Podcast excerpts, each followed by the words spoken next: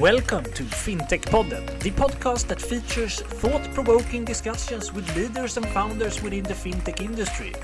From core banking to Bitcoin, we cover it all. Now, get ready for the next episode.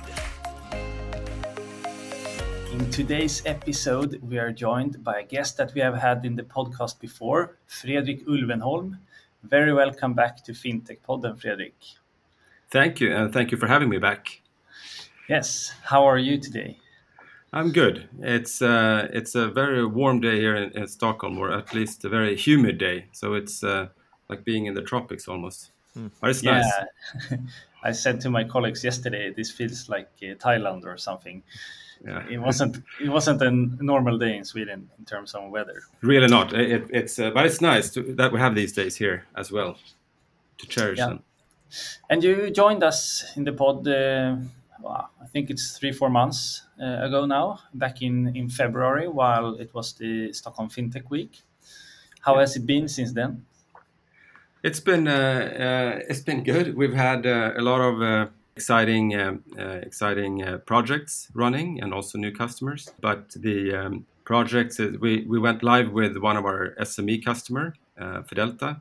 So that was it's it's always fun when or enjoyable when to launch a new customer. Yeah, great. And, and talking about SME, that's the topic of the today's podcast. And for you who want to listen to the previous podcast with Fredrik, it's episode number 63. But maybe it's good if we give a short introduction to yourself here as well. Yeah, so I'm Fredrik Ulvenholm, and uh, my background is I've been working in, in uh, fintech for the last uh, 20 plus years. Uh, I joined uh, Vilja, the company I work for, as, uh, as the CEO about five years ago. So, and it's uh, it's been an interesting uh, uh, time period in the last five years. Yeah, and I remember you shared uh, a lot of more, lot more about your background in our previous episode. So if if you want, if someone wants to get to know Fredrik a bit more, maybe it's good to listen to that podcast as well. But maybe we can jump right right into today's topic. Uh, SMEs, uh, small medium enterprises. Where should we start? I think, but if you look sort of on a holistic view, I think SME SMEs are the backbone of the of society. We we tend to think about uh, and talk about the the large companies a lot, like. Uh, uh, in the past, maybe you talk a lot about Ericsson, but now you talk about the new new companies like Spotify and Klarna, and that's all good. I mean, they they're really cool uh, and really innovative companies. But there is a, a, another. Uh, I mean, if you look at a greater picture, there are so many SME companies or small and medium businesses that are, are, are where most people actually are employed in Sweden. So they are really the backbone of, of our society. One of the main struggles for SMEs is to get uh, good uh, financing solutions and so on. So how come it's so so much differ for large companies to access financing solutions and smaller companies to access finance solutions. How come we have come to this uh, point? Yeah, that's a it's a very good question, and I think it's it's very similar in the whole in the Western society that this is the same all over, and the cost for for originating or for uh, for managing the, the application of of a, a corporate company is pretty similar independent of size. So you really need to get up to a big size, and it's quite costly if you compare to uh, how far digitization has has come in uh, consumer lending and in, in mortgage lending. Uh, and mortgage lending is typically also very very long time series, long time periods. You can take a larger cost in the beginning.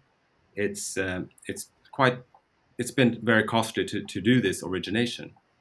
So it's it's really that that's why it's been underserved. So the the banks have kind of uh, neglected this part for the last you know 30 years at least, and focused on on more uh, for them uh, more lucrative uh, uh, segments, and those have really been been uh, mortgage loans, large corporations, and and consumer lending. So that's where, where all the money has been funneled to. And if you look at, again, at, at how much money is being lent out there, it, roughly looking at the mortgages, uh, it's about 4,000 billion Swedish kronas that are lent out. Consumer lending, it's roughly 280 billion kronas. And uh, there aren't really good statistics how much is, is lent towards uh, true SME companies. But uh, the numbers that are, that are here is about 15 billion. So it's really a very, very small proportion of, of all lending. But is it a technology problem as well for the different players? Like, can you, with new technology, improve access to financing solutions for SMEs?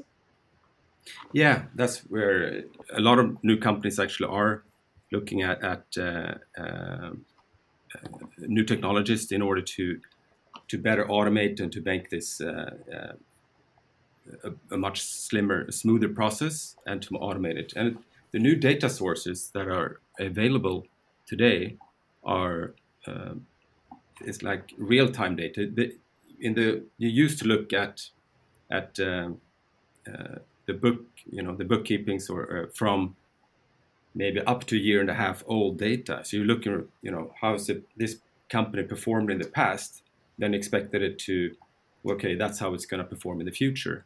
So what you do today is looking at the, the data in real time or, or at least on a monthly basis. That's how fast you can get the, uh, the most companies close their books.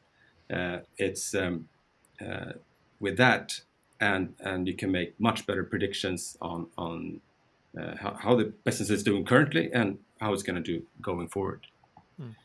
And that those things can be automated today, which wasn't possible before. Could we go through what kind of data are we talking about there? Um, yeah, so the, the data that you're looking at is um, uh, customer the customer ledger basically from the uh, financial software. So you're looking at what invoices are coming in. Uh, you're looking at real time. You know, first of all, it's it's okay. How much revenue are you having right now? How much is your profit?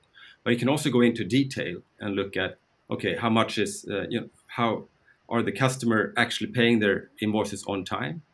So if you look at at the SME, they're looking at okay, how are their customers doing, and are they paying their bills online or on time? And this is um, something you can also then combine with PSD2 data. So you can verify that, okay, the, the money is actually coming into to this uh, company's books, and then we can then, uh, or into the bank accounts, so we can make, you know, be, be certain that, that he will pay his monthly advice or his monthly fee for, for the loan. And also you can have, so you can put, it's both in the part of the of the scoring when you you can score the customer when during the origination or during the application process.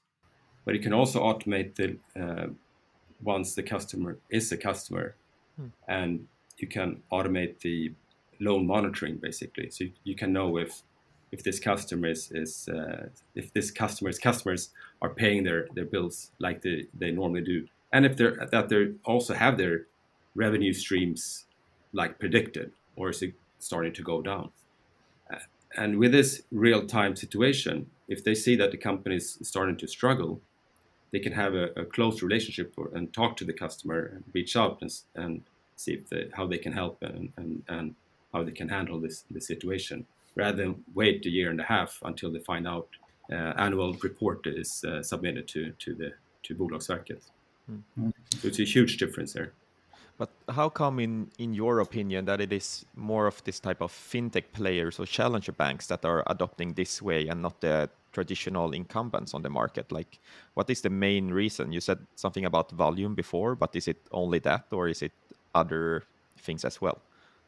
I think that they will probably. It's always you know when they. I mean, they're. I'm not going to say they are are lazy, but I mean they they have their revenue streams and they have their sales teams and they have their advisors working on on on their uh, and they're making good money on, on mortgage loans, large corporates, and so on.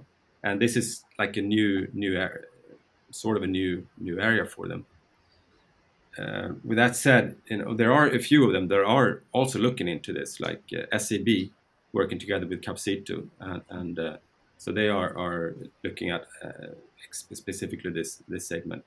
So there there are but again, I mean, like always, fintech players are usually faster and, are uh, are more uh, that they find that these gaps in the market. I was thinking about was does the the challengers' internal processes differ a lot from from the incumbents, or how that, does that look?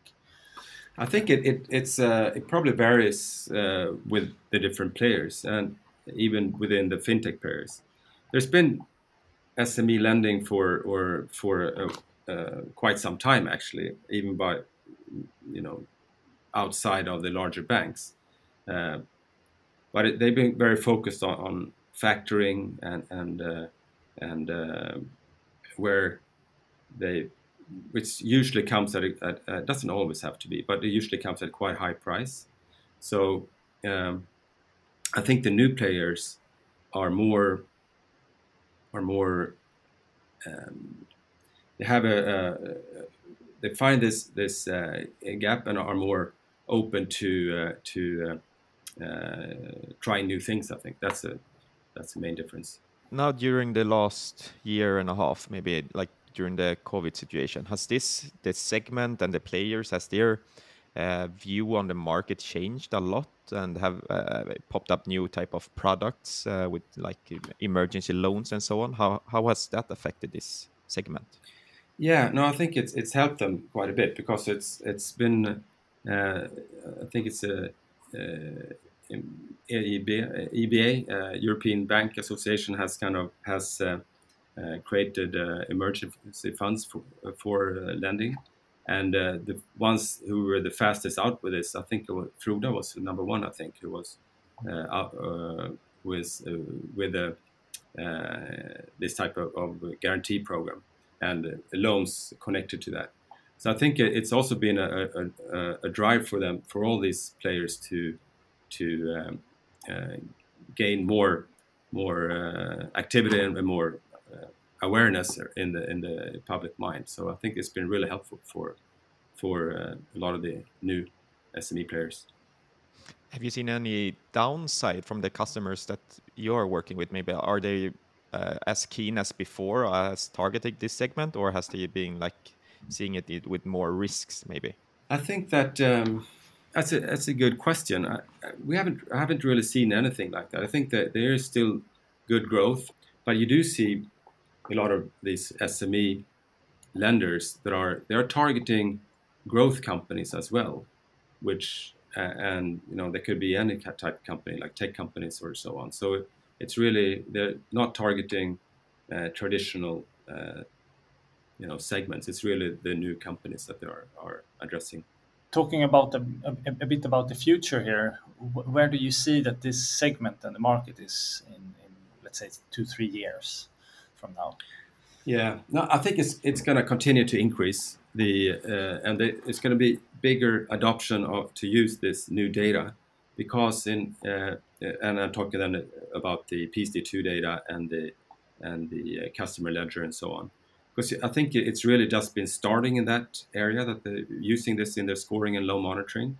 It's uh, there's uh, to my uh, feeling is that there's a, uh, still quite a lot of manual work involved in this, and that you can automate this a lot more once you get more comfortable with the scoring models.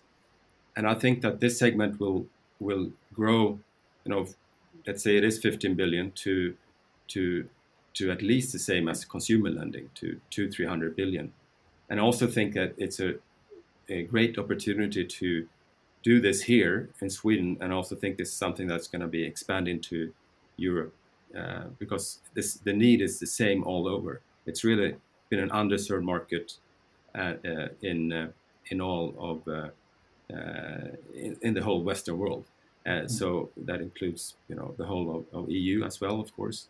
And so I think that the, we're going to see some of these players that were that are quite niched and, and not that big here in Sweden today.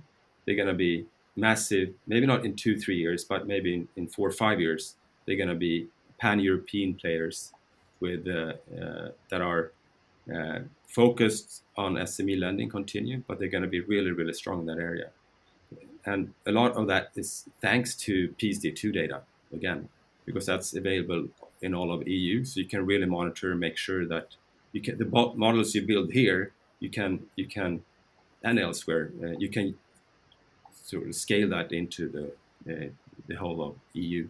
Before we round up this discussion, um, you are also running a, a, fintech company by yourself. Like, do you have any recommendations to other, like maybe new founders or people running other fintechs? Like, what should they think about? And also, like, have you ever experienced a problem with uh, financing and so on uh, in your operations? That's a, a, really good question. Uh, the first one is I think that uh, I don't want to sound too cliche, but I mean you have to you have to be passionate about what you do. I really think that's uh, key to anything, and because you, it's a whatever you're gonna do, it's gonna be a marathon, not a not a sprint. It's not gonna be 100 meters and then it's over. And you that's very very few people who, have a quick run and then and then uh, make an exit. It's really a marathon uh, with ups and downs so you need the, the stamina and you need the grit to, to work through it.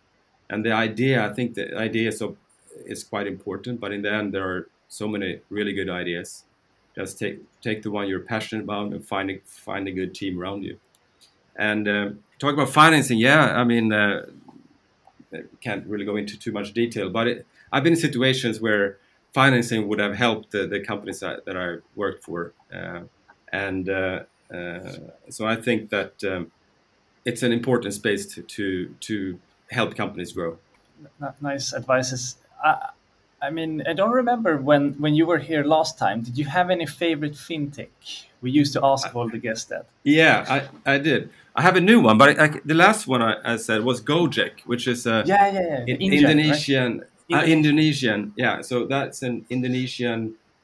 Uh, they're really a delivery service like uh, Uber or or Bolt, but they had a lot of financing or uh, stuff there as well, and they actually they were merged with uh, Tokopedia, which is an, another Indonesian marketplace uh, like Amazon, and I think it's one of the world's first where places where they outside of China in a way where they kind of merged delivery with with the marketplace. So it's really and now they renamed it to GoTo go to.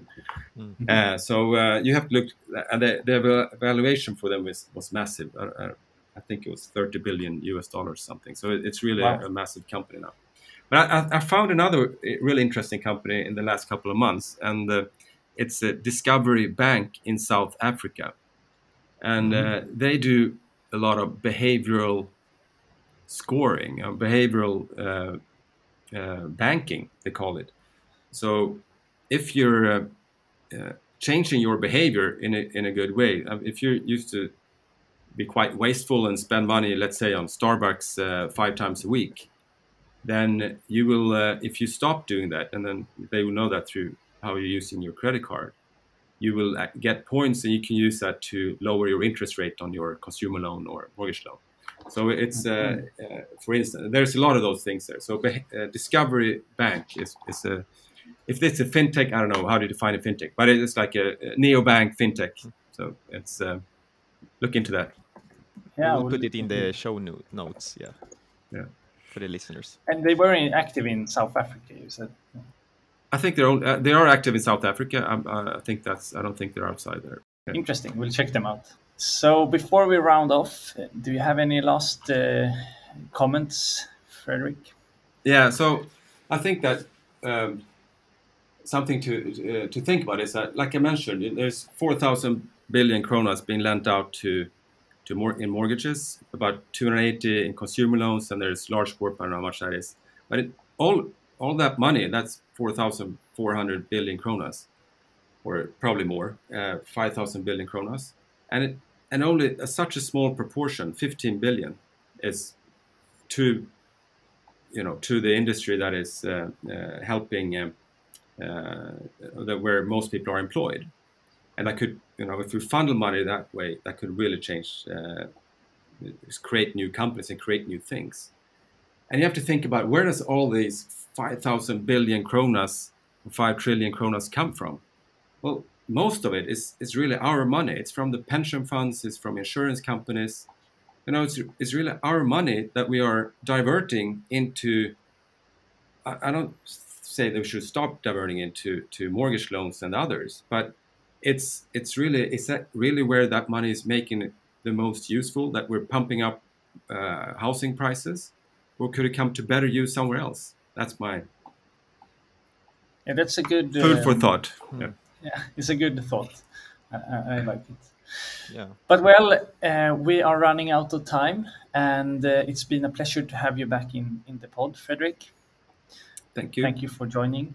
Uh, but before we finish, where can people get in touch with you and uh, with Vilja? Yeah, so you can reach out to me through to our website, uh, Vilja's website, and it's uh, viljasolutions.com is our website. Great. Thank you so much, and have a good day. Thank you. Bye bye. Bye bye. And that was it for today's episode. We hope that you liked it. Both I and Johan are very happy and thankful that you're listening to us. And if you like what we do here, please go into iTunes or whatever platform you're listening from and leave a review or a rate. We would appreciate that a lot. We will soon be back with another episode, and until then, have a good time.